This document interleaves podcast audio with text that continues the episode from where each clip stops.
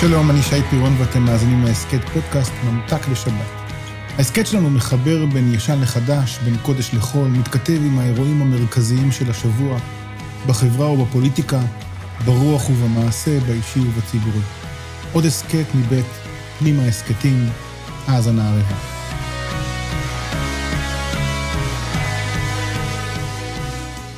אין דבר פוגע מטלטל, מאכזב עד כאב כמו פגיעה של חבר קרוב, בעיקר כאלה שהאירו לך פנים, שהאמנת, ששמחת, שנשענת. אמון בין אנשים הופך למצרך נדיר. אנשים נוטים לחשוד זה בזה, לחפש מניע. חברות במקרים רבים הופכת להיות יותר ויותר מושתתת על אינטרסים. אנשים רבים מוקפים בבני אדם, מנהלים אינטראקציות רחבות היקף, ואף על פי כן הם חשים בודדים. אחד מכל ארבעה אנשים במדינות המערב חש בבדידות. ממצאים מדעיים מוכיחים שהבדידות פוגעת במערכת החיסונית, מחלישה אותה. לטענת ההיסטוריונית הבריטית פיי בנו אלברטי, בדידות היא תופעה מודרנית, תוצר החילוניות והקפיטליזם שמקדשים את הפרטיות והאינדיבידואליזם. החל מהמאה ה-20, שכיחות האנשים שגרים לבד עולה בהתמדה. על פי נתוני מפקד האוכלוסין של ארה"ב, משנות ה-60 הוכפל מספרם של משקי הבית של המתגוררים בגפם, והגיע בימינו ל-36 מיליון אנשים. באנגליה, בה יותר ממיליון אנשים סובלים מבדידות כרונית, סקר שנערך על ידי קמפיין הקץ לבדידות, מצא כי ליותר מ-200 אלף איש לא היה עם מי לשוחח בחודש שלפני הסקר. יותר ממחצית הבודדים דיווחו שהם מתגעגעים להיות עם מישהו, לצחוק עם מישהו או לחבק מישהו. כשליש מהבודדים מתגעגעים לחלוק ארוחה או לאחוז ידיים עם מישהו. המומחים אגב חלוקים בדעתם אם האינטרנט והרשתות החברתיות הם הסיבה או התוצאה של העלייה במספר האנשים הבודדים. הבידוד החברתי שמאפיין את אורח החיים המודרני הביא לעלייה בשכיחות הסובלים מחרדה ודיכאון, ומיליוני אנשים ברחבי העולם צורכים תרופות יקרות שיעילותן מוטלת בספק. רבים פונים לטיפול, אך מטפל מקצועי, פסיכולוג, עובד סוציאלי או פסיכיאטר לא יכול להפוך למקורב המשמעותי. רק קשר הדדי יכול להפיג את הבדידות. למה כל זה קורה? איך אפשר להתמודד עם זה?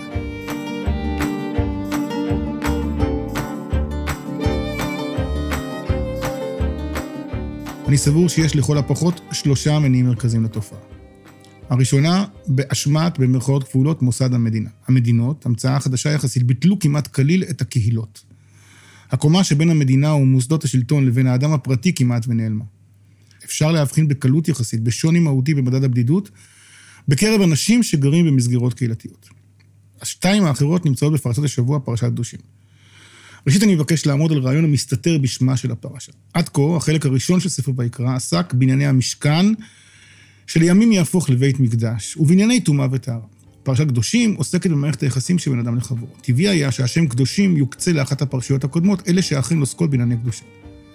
דומה שהתנ"ך מבקש להדגיש את מהותה של הקדושה. היא תלויה ביחסים בין בני אדם, בהתנהגות אנושית פשוטה וראויה. אז הנה שתי סיבות הנוספות שאני למד מפרשת השבוע.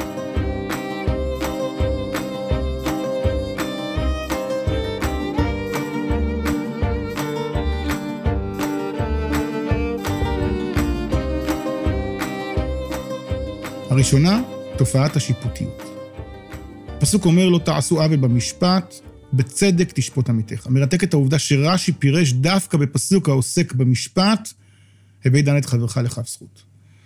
אני חש שהתורה מבקשת אותנו לשפוט לכף זכות. לכאורה שיפוט מבוסס על עובדות אובייקטיביות, לימוד כף זכות שואב את כוחו מתפיסה לכאורה סובייקטיבית. אלא שיש להבחין בין מערכות משפטיות לבין מערכות יחסים בין אנשים. הראשונה בנויה על שיפוט אובייקטיבי, השנייה בנויה על הערכה כוללת, על היכרות, על הבנת הסיפור שמאחורי האדם, על הבנה רחבה של מה שמניע אותו. לתחושתי, אנו מנהלים מערכות יחסים בין אישיות בכלים של בית משפט. ממהרים לדון, לחרוץ, להכריע, להאשים. פחות מדי עוסקים בראיית תמונה רחבה מאפשרת לדון לכף זכות. משכך, החשדנות, ההתייחסות המסויגת לבני אדם, תחושת הנבגדות, התחושה שאין על מי לסמוך, יוצרת חוויה עמוקה של ריחוק, הסתגרות וניכור. ההסבר השלישי, שגם הוא מבוסס על הפרשה, נמצא בפסוקים הבאים. לא תשנא את אחיך בלבביך, הוכיח, תוכיח את עמיתך, ולא תישא עליו חטא. לא תקום ולא תיטור את בני עמך, ואהבת לרעך כמוך, אני אדוני. החיים שלנו במאה ה-21 נעים על קצוות, אהבה או שנאה. והנה הפסוקים מספרים שמערכת יחסים נבנית על שלבי התפתחות עמוקים. שלב ראשון, לא תשנא את אחיך בלבביך. ראשית, אל תיתן לשנאה להפוך להיות חלק ממך. אל תיתן לשנאה להפעיל אותך, לנהל אותך. אחר כך מגיע השלב השני.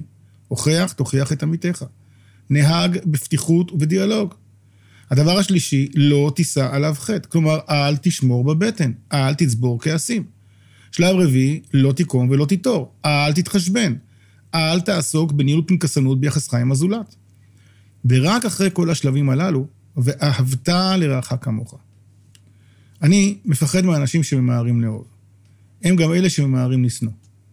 אנחנו בודדים גם כי אנו מנהלים את חיינו או על ציר שנאה או על ציר אהבה.